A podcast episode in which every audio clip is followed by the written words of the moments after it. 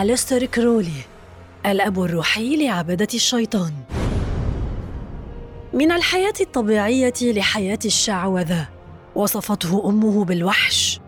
وقيل أنه عميل استخباراتي مارس علاقات جنسية شاذة متسلق وشاعر ولاعب شطرنج ماهر. سميت جنازته بالحفلة السوداء وتم إحراقه ليصبح رماداً. أليستر كرولي الأب الروحي لعبدة الشيطان.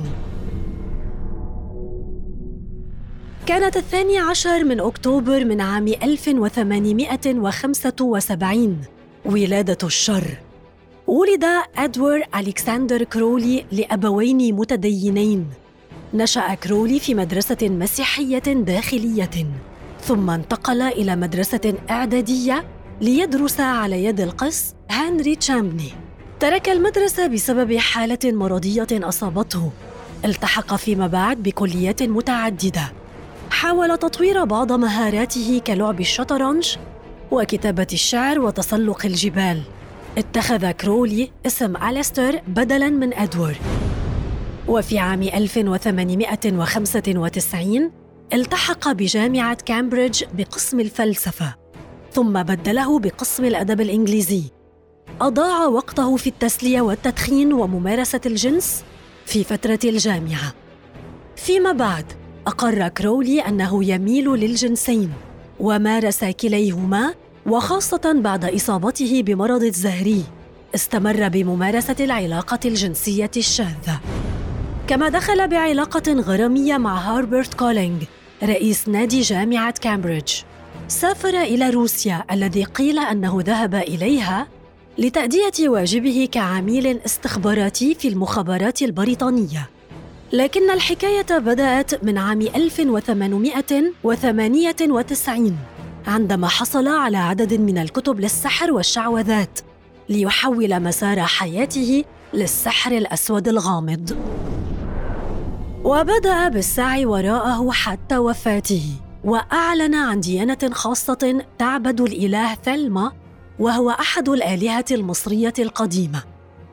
آمن بأنه نبي العصر الجديد للحرية الشخصية وقال أن كل ذلك يمليه عليه الإله حورس انضم إلى جماعة الفجر الذهبي والتي كانت تعرف بأنها أكبر جمعية إنجليزية تمارس السحر الأسود حيث شارع بعدها لقتل القطط وتقديمها كقرابين للشياطين.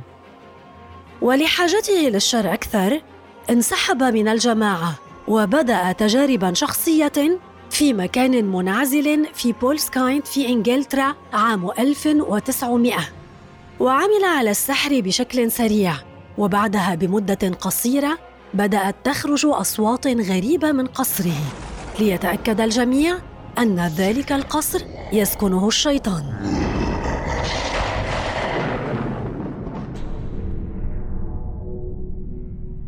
مل كرولي من الحياة منفردا؟ ليخرج خارج بولسكاين؟ لهدف تكريس أكبر عدد من مزاولي السحر الأسود؟ وتنظيم جماعة لذلك. وانتقل بين الولايات المتحدة ومصر. وتزايد عدد أتباعه بشكل كبير خاصة بعدما أصدر العديد من الكتب التي كانت تدعو للحرية المطلقة.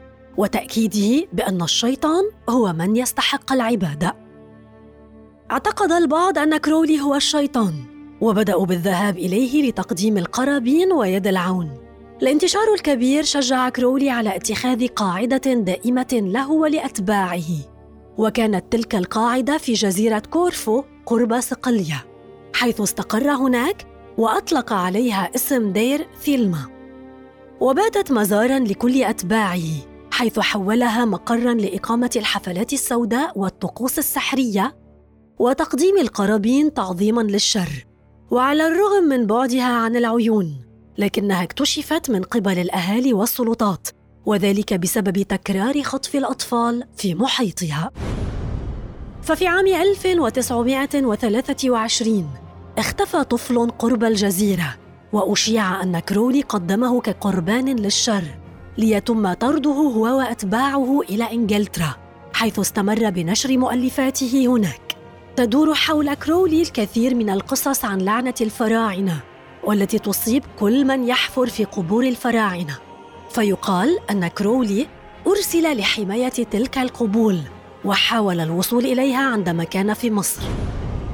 أطلق على كرولي العديد من الألقاب منها أبو الشياطين وكبير سحرة القرن العشرين. كما أطلق على نفسه لقباً رقمياً هو 666 وهو اللقب الذي اشتهر به ووقع به كل خطاباته وكتبه. وألف كتابا كاملا حمل عنوانه ذات اللقب صنفته البي بي سي البريطانية عام 2002 على أنه أخبث رجل في التاريخ.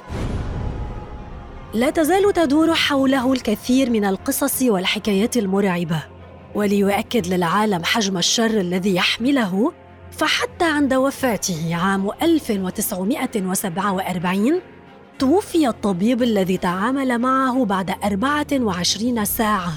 بسبب عدوى في جهازه التنفسي نقلها له كرولي دون إخباره بمرضه ليثبت أنه أخبث رجل في التاريخ.